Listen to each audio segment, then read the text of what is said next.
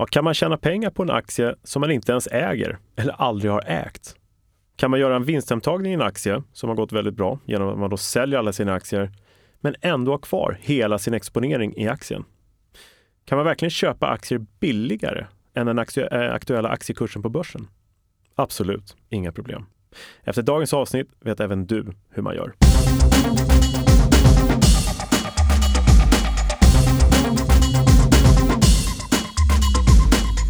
Välkommen här till ytterligare ett avsnitt av Optionspodden. Podden som handlar om mer än bara optioner och ger dig kunskaper som ingen investerare borde vara utan. Mitt namn är Kalle Björkegren och med mig idag igen har jag ju Thomas Bernholm från Nasdaq Stockholm. Hej hej! Hej Thomas! Hur har du det där borta? Tack bra. Ja, Jag tyckte det var en spännande inledning du gjorde. ja lite lockande va? Det Sådär. hoppas jag. Det är lite det som är grejen med optioner. De lockar till eh, ja, bra affärer helt enkelt faktiskt. Mm, nya möjligheter. Det är lite det vi är eh, här för, för att försöka sprida de här kunskaperna. Ja. Eh, du har ju, eh, ja, liksom jag också faktiskt, hållit på med de här grejerna ganska länge. Så det är lite inspirerande att kunna dela med sig av goda tips på börsen. Men det är i jättekul. Aktiehandeln. Ja, men Ja. visst är det så. Du, vi pratade förra avsnittet om två stycken av de fyra grundpositionerna. Mm. Vi pratade då om en såld call i form av en covered call och vi pratade om en köpt put, vilket var i form av protective put Just. strategier. Sen så la vi ihop båda två och fick en fence. Ja. Ja, och kul. vill man eh, repetera det, då går man tillbaka till ett avsnitt och lyssnar på förra avsnittet helt enkelt. Just det. Men vad ska vi prata om idag då? Ja, det finns ju två grundpositioner kvar då. då. Eh, och det är ju helt enkelt en köpt call, köpt köpoption Mm. Och en såld put, Mm. en såld säljoption. Mm. Och vad kan dessa två små positioner ha för fördelar med sig? Ja, Mm. några fick vi höra här i inledningen. Va? Just att, eh, eh, frågan är bara om man uppnår det hela. Så att eh, det som man kan summera redan nu, att eh, wrap it up, är att det skapar väldigt stora medvärden på ett ganska enkelt sätt. Det är ju inte svårt det här, eller hur? Vad säger du? Det är ju inga konstigheter egentligen. Nej, jag tror att man väl kommit in i, i tankegången så att säga, Ja. så då sitter det ganska bra. Ja, men visst gör det. Det, är ju inte så att man behöver, eh, oavsett, alltså om man nu lär sig det här, att man vill sitta en timme och förbereda sig, utan det här är enkla kunskaper egentligen, Mm. som kan ge så mycket. Och det är det vi håller på att jobba lite grann med här. Så vi, ja, vi kör väl igång va? tycker Vad säger du om det? Ja. Bra. Ja, en köpt call. En köpt köpoption, alltså en köpoption som ger rätten att köpa till exempel en aktie till ett specifikt pris under en specifik tid. Ja, Det där är ju någonting som jag tror att Ja, det är en strategi som de flesta börjar att titta på. mm. För alltså, intuitivt känns den lättare än kanske övriga, skulle Ja. jag säga. en köpt call liksom. Ja, Ja. för det är ganska likt innehav av aktier. Mm. Exakt. Så att säga. Så att, Ja. någonting som många börjar med. Det kommer jag ihåg själv faktiskt. Eh, Det var lite främmande att köpa rätten att sälja något eller att man Mm. blankar en aktie eller att man spekulerar i en nedgång. Initialt. Ja. initialt känns det konstigt. Det gör det inte längre kan jag säga. Men, men jag håller med dig. En köpt det är nog den första man tittar på. Ja. Så folk är ju långa marknaden Mm. på något sätt kanske, Ja. fonder eller aktier. Och Ja. sådär. Så. Tjäna på uppgång, det är Just mest naturligt och sådär. Men vi ska titta här på några anledningar till att använda calls. För att det, det. Är, det är ju mer än att bara ha rätten till att köpa en aktie. Vad har vi för användning av det? För? Och vi börjar med den första av eh, tre stycken exempel här. Då. Och det är att det är väldigt kostnadseffektivt. Så anta att du vill köpa en aktie. Den kostar 100 kronor. Kapitalet i den här aktien är dock bundet i andra investeringar för närvarande. Och det är ganska vanligt, eller hur? Det kan vara Ja, jättevanligt. Ja. kommer få pengar i sommar eller när sälja båten eller bilen eller vad som helst. Kan ju, liksom, eller så har vi en annan aktie vi har investerat i som vi inte vill släppa. Exakt. Liksom. Ja. Men då att genom att köpa den här köpoptionen, en call, så skapar vi alltså en position som i termer av marknadsexponering i alla fall är helt identisk med att äga den underliggande aktien. Men eftersom en köpoption bara kostar en bråkdel av vad det kostar att faktiskt köpa alla aktier så, kräver, så kan vi liksom därmed spara större delen av kapitalet till andra investeringar. Just. Att bara använda en liten del av pengarna med Mm. samma position, liksom, samma exponering. Åtminstone har vi den här exponeringen fram till lösen av den här köpoptionen. Eh, och om aktiepositionen då är tänkt att bli långsiktig, då får vi köpa aktierna där och då eh, med hjälp av optionen. I annat fall kan vi förstås välja att sälja tillbaka kolen helt enkelt i marknaden innan optionen förfaller.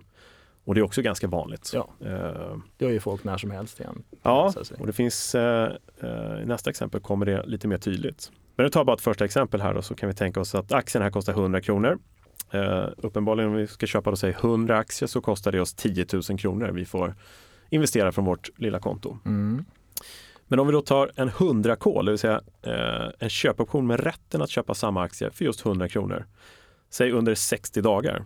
Då kan den normalt sett ligga på kanske 3 kronor i premie. Någonstans där.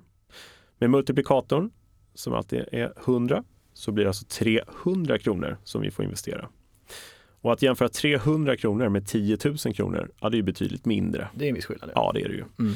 Och risken vi tar i det här är att de här 300 kronorna går helt förlorade. Mm. Om nu aktien går rakt ner, då kommer vi inte vilja lösa in rätten att köpa aktien på 100. Står den i 90, då köper vi den direkt på börsen istället naturligtvis. Men det kan ju vara ganska vettig risk att ta. 300 kronor kanske man kan tänka är okej. Och så, så har vi eh, den större delen av pengen kvar och använda till annat, andra investeringar och så vidare. Och man förlorar aldrig mer än de här 300 kronorna ska man säga. Just när man Det- köper ja, optioner. precis. Aldrig någonsin mer än så. Så där är första exemplet av en köpt köpoption. Ganska effektivt, enkelt, lättförklarat och bra att kunna. Mm. Vad ska man tänka på där då kanske? Eh, Jag tänker mig bara, några har ju köpt eh, köpoptioner som, Ja. som ett alternativ då kanske till att ha aktier, precis vi har pratat om eller som du har pratat om. Och, men då vill det också till att aktien rör sig en del, eller hur? Att den rör sig uppåt ganska mycket eller ganska fort. Ja, just det. För att, med, tanke Stämmer. på, att- ja, med tanke på att optionen har en begränsad livslängd, alltså löptid. Mm, stämmer det. Eh, och då kan vi faktiskt komma in på nästa exempel. Eh, när vi kommer till den här hävstångseffekten. Den är ganska populär att räkna på. Vad är det för någonting då? Ja, det är om vi, som, som du säger, eh, ja, om vi tror på en ovanligt stark uppgång i aktien i samband med kanske en kvartalsrapport eller annan händelse så kan vi med samma begränsade risk med att köpa en köpoption som vi nyss nämnt eh, utnyttja den här eventuella hävstångseffekten i optionen. Och vad är det då? Jo, procentuellt stiger nämligen priset på en option, de här tre kronorna. De stiger i takt mångdubbelt mer än vad den här underliggande aktien stiger. Just det. Eh, och det betyder ju alltså rent fiktivt att vi kan få och uppnå en skyhög avkastning, rent proce- procentuellt i alla fall, väldigt snabbt. Men precis som du var inne på här så krävs det ju i generella termer att det rör sig åt rätt håll, det vill säga uppåt, i rätt tid. Det ska hända nu och det ska gå väldigt fort. Liksom det ska röra sig snabbt uppåt här och nu. Vi kan inte låta det ticka uppåt i några månader för då hinner optionen förfalla och då Mm. uteblir den här effekten. Då. Så risken är att vi istället förlorar större delar eller hela det här investerade beloppet, alltså den här premien. De här De här 300 300 kronorna. kronorna. Ja, Och det där är många som också tänker så här, men alltså han förlorade hela insatsen, Ja. allting. Ja, Ja. Eller hon liksom. Och 300 kronor i relation till 10 000 var ju som vi sa Ja. ganska blygsamt. Så. ja men det, om man, då är man medveten, så länge man är medveten om Mm. att de här 300 kronorna kan gå åt fanders Mm. eh, mot möjligheten vi har. Så Men, men poängen är kanske också att man inte ska likställa optioner med en aktie i det här läget och låta massa optioner ligga och skvalpa i depån. Superviktigt. För då tickar tiden ur. Just det är som det. ett träningskort eller gymkort som vi har pratat om. Liksom Just precis. För, för varje dag som går så blir optionen värd mindre och mindre och mindre tills den. Allt annat lika, allt annat lika, Ja, precis. om det inte rör sig uppåt. Och Ja. Tidsvärdet kan vi säga, det blir Mm. verkligen mindre och mindre för varje dag som går. Sen så kan man ha reella värden i slutändan, att man köper aktien billigare eller Mm. säljer en dyrare säljoption. Men vi tar ett exempel till här. Samma aktie kostar 100 kronor. Vår 100 kol där kostar ju 3 kronor, säg på 60 dagar. Om aktien nu på ja, väldigt kort tid går upp till säg 110 kronor, det är ju bra. Verkligen. aktien gått upp 10 procent. Vi har fortfarande rätten att köpa den för 100 så vi kan man ju tänka sig redan tjäna 10% där i aktien. Men om vi då istället väljer att sälja tillbaks optionen i marknaden, vad får vi betalt för den då? Jo, allt annat lika eller normal värdering så kanske den här kolen till exempel är värd 11 kronor istället för 3 kronor. Vi vet ju nu att vi har ett realvärde på hela 10 kronor Just det. och så tar vi bort lite tidsvärde och så är det en krona kvar på det. Det vill säga 11 kronor. Mm. Men om en eh, option har gått från 3 till 11 kronor, procentuellt är det en avkastning på 267 procent. Att jämföra med aktiens 10 procent. Det är inte illa. Det är inte illa. Nej. Där har vi hävstångseffekten. Men som vi brukar prata om, både du och jag till kunder eller eh, deltagare på föreläsningar, det är att man ska fundera en liten stund på jämförelsen av eh, alltså den eventuella storvinsten procentuellt här med alternativet som ger sig en eventuell förlust om 100 procent. Alltså vi kan förlora hela premien om aktien går neråt istället. Alla 300 kronor, vilket kan vara okej. Okay. Men procentuellt så är det 100 procent av allting och det är, det är ganska mycket. Det är ganska dålig, dåligt resultat. Mm.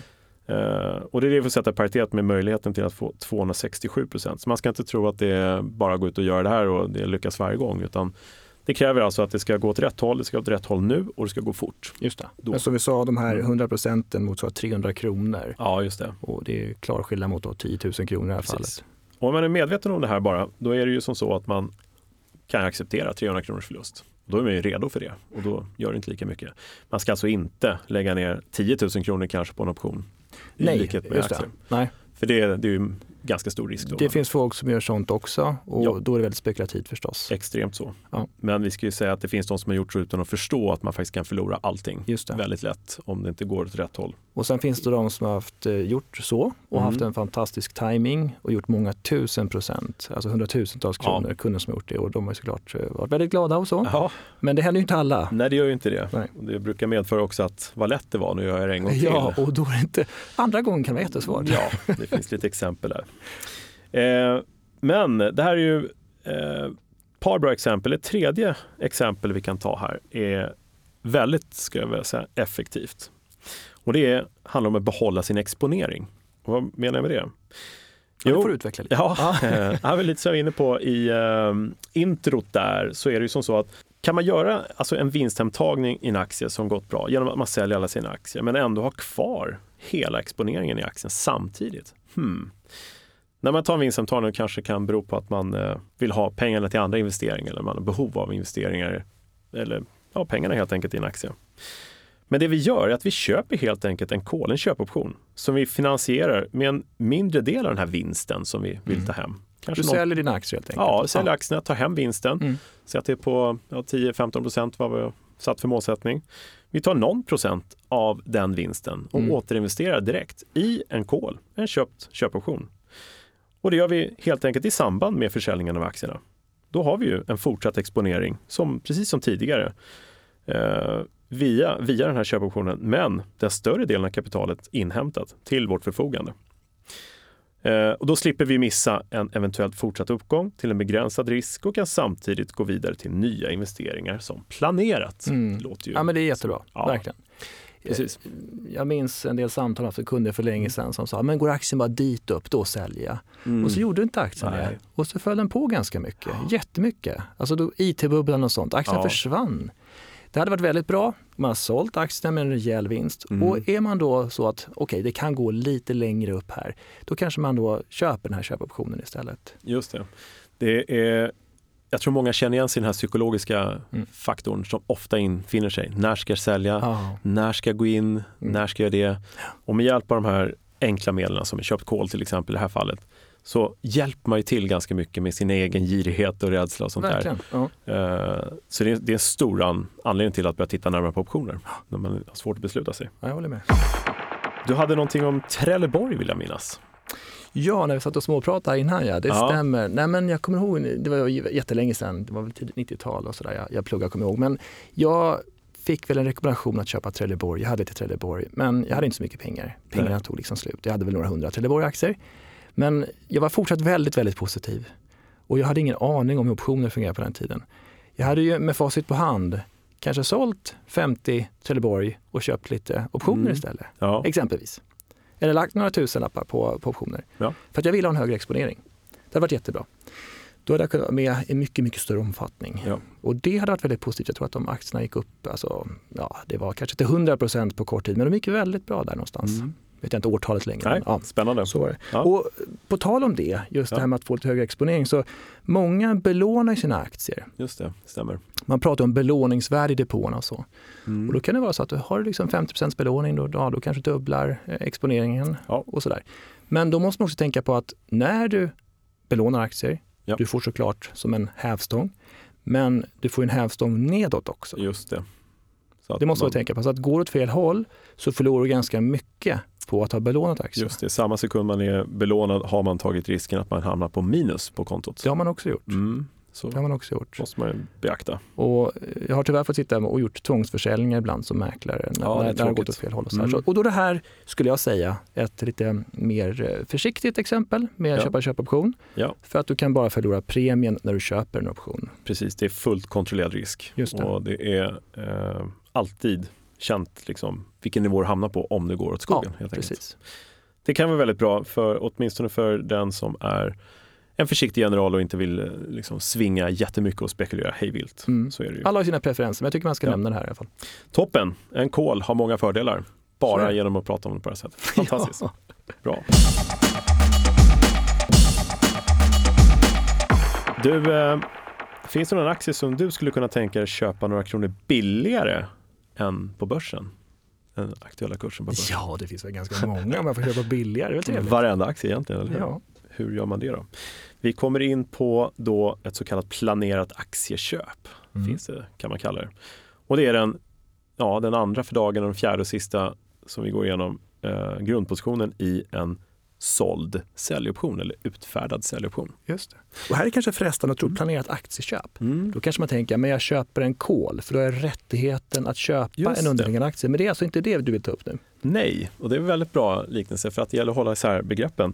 För vad är då en säljoption? Ja, men den, om vi köper en säljoption som vi pratar om protective put, Mm. då köper vi rätten att sälja en aktie till ett visst pris. Mm. Men om vi säljer den rätten till någon annan, vi säljer säljoptionen, Mm. Då har vi alltså tagit på oss den potentiella skyldigheten att köpa aktier till ett specifikt pris. Så vi säger om du har köpt säljoptionen nu Mm. och jag har sålt säljoptionen, alltså Japp. utfärdat säljoptionen. Japp, Du har rättigheten att sälja, just det. då har det omvända, skyldigheten att köpa. Ja. Och jag äger, så jag väljer om jag vill utnyttja rätten. Precis. Och då är det bara för dig att lyda. Jag har inte så mycket att säga till om då. Nej. nej precis. Men eh, å andra sidan har jag betalt dig för det. Likt, Exakt. När vi säljer en säljoption, precis som när vi säljer en köpoption, så får vi ju en premie. Och det är därför man gör det, man får ju betalt. Exakt så.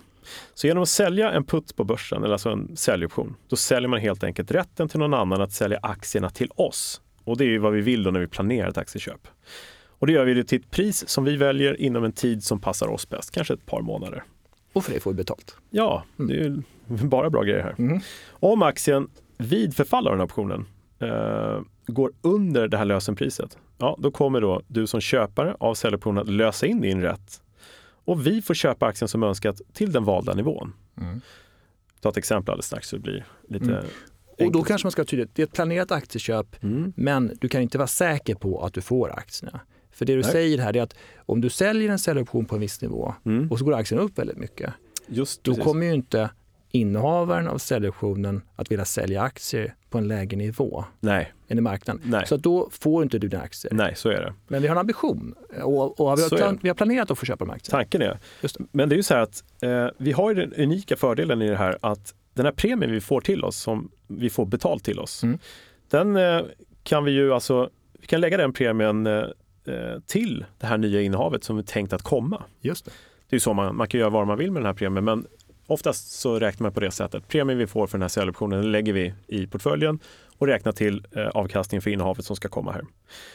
Det här innebär ju faktiskt möjlighet till avkastning på innehavet redan innan vi äger aktien. Det är lite häftigt. Vad härligt. Ja. Mm. Så jag säljer rätten till dig att sälja dina aktier till mig som jag vill ha. Ja. Och då betalar du mig en premie. Alltså har jag redan fått en avkastning på mina aktier. Självklart då allt annat lika att aktien ligger still. ja, precis. Kan vi ta ett exempel? Ja, eller? det kan vi göra.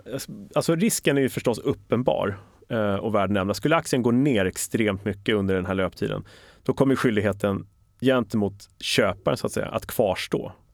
Och vi kan ju tvingas köpa aktierna till klart högre nivåer än vad det handlas till på börsen. Så kan man ju inleda med att säga. Ja. Eh, dock är ju risken densamma som att äga aktien istället för att köpa aktierna direkt. Just om man det. säger så. Vi tar ett exempel. Om vi har aktien igen här som kostar 100 kronor. Mm. Den stod alldeles nyss i eh, 98 kronor. Det tyckte vi var den nivån är bra. Där vill vi gärna köpa. Ja, där vill vi liksom köpa. Det låter bra. Mm. Då gör vi så, så att vi letar rätt på 100-putten, alltså säljoptionen med lösenpris 100. Mm. Eh, säg att det är 90 dagar, tre månader och den kostar 5 kronor på börsen. Då gör vi så att vi säljer den helt enkelt till marknaden. Jag kan säga att jag säljer den till dig, det vet vi inte. Mm. Vi säljer den alltid i marknaden rakt av. Vi, anonym handel så vi vet ju inte vem det är så. Men Nej, det kan vara market maker det kan vara privatperson. det vet vi aldrig. Liksom. Vi handlar ju direkt mot börsen helt enkelt. Det är det enda vi behöver veta. Men vi säljer i alla fall rätten till någon annan att få sälja sina aktier till oss på 100 kronor. För det får vi 5 kronor, det vill säga 500 kronor eh, i reella pengar. Om aktien nu går under 100 kronor, eh, säg ja, den strax under 98 kanske igen då. Mm.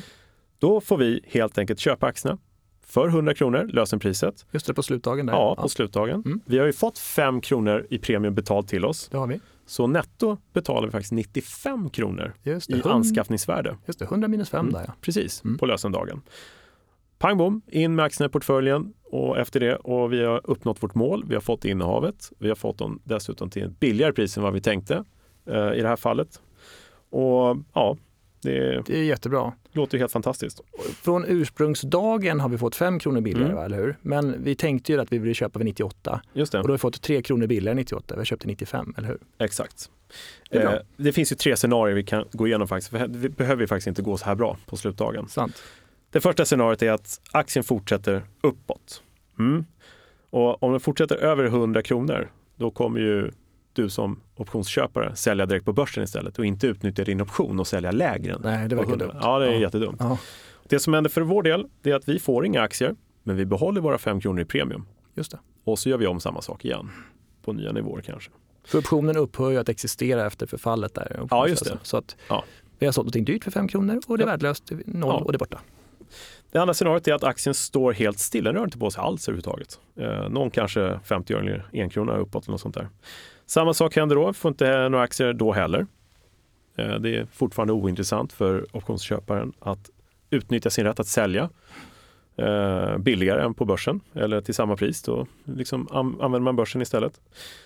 Vi får inga aktier då heller, men vi har fortfarande exakt samma 5 kronor kvar. Vi har fått in 5 kronor. Jajamän, så vi har alltså fortfarande avkastning ja. på våra aktier utan att den ens har hamnat i vår ägo. Eller kanske aldrig varit där. Nej, sant.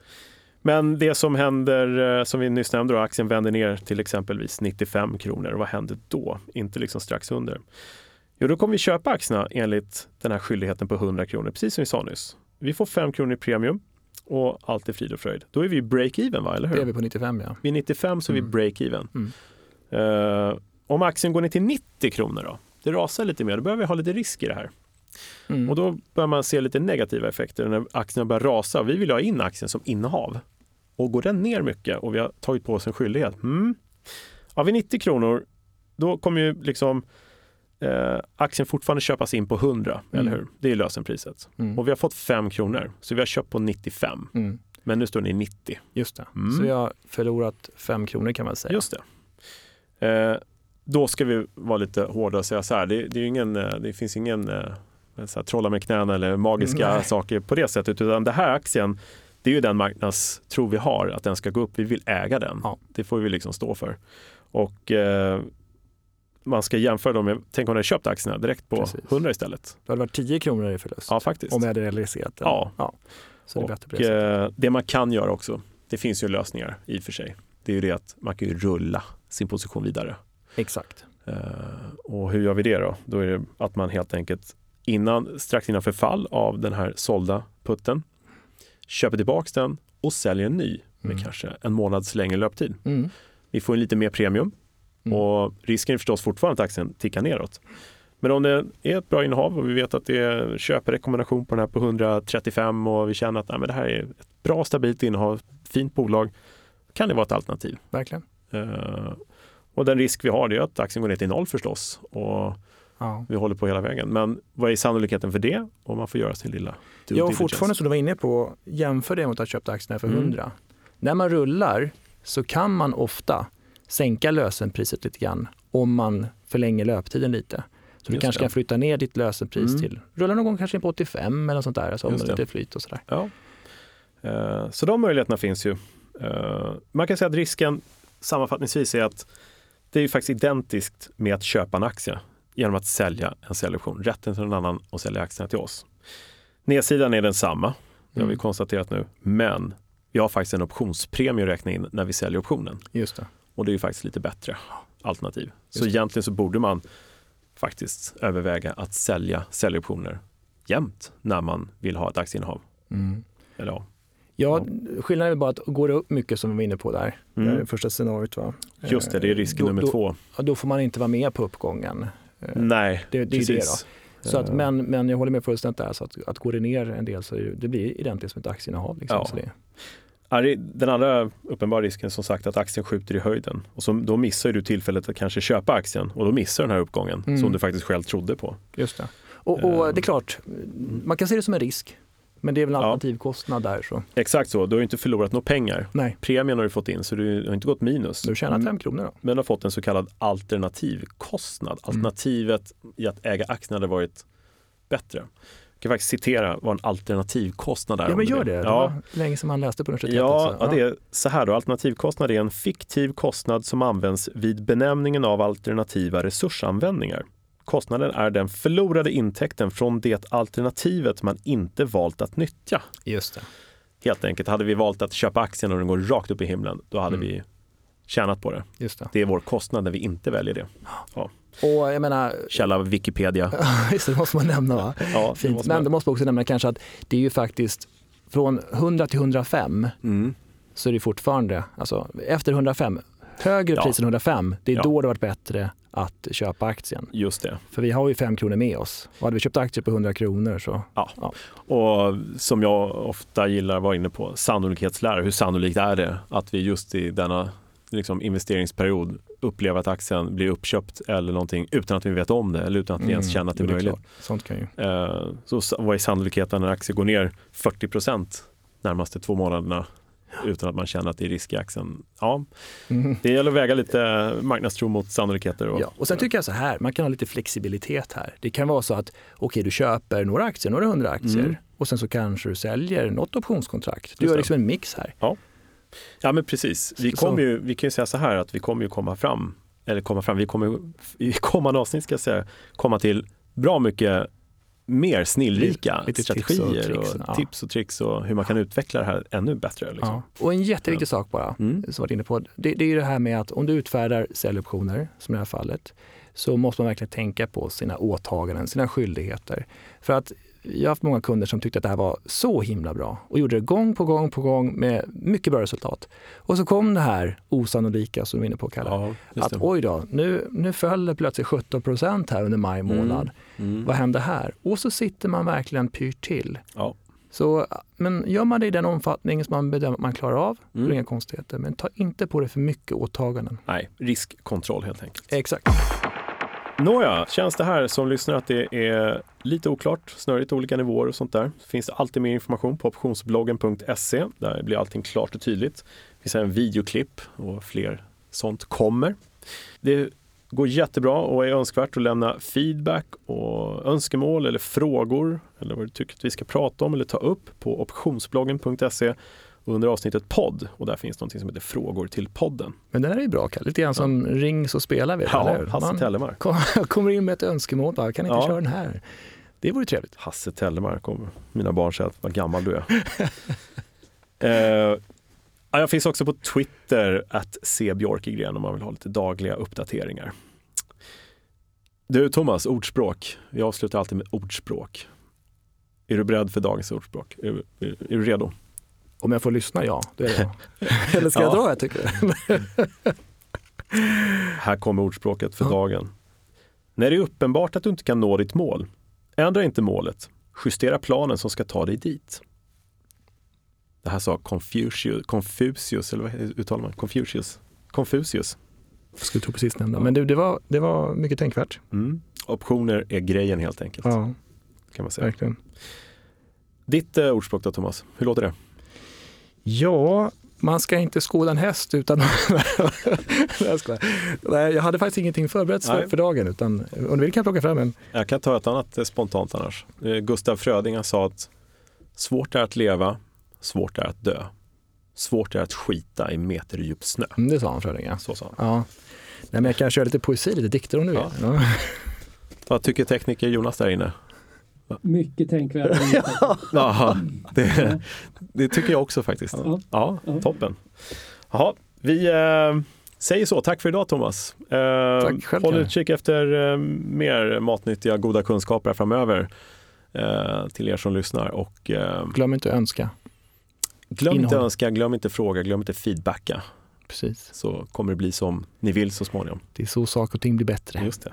Nej, bra jobbat Tompa. Tack detsamma Kalle. Vi ses snart igen. Och hörs. Och hörs ja. Ja. Hej. Hej.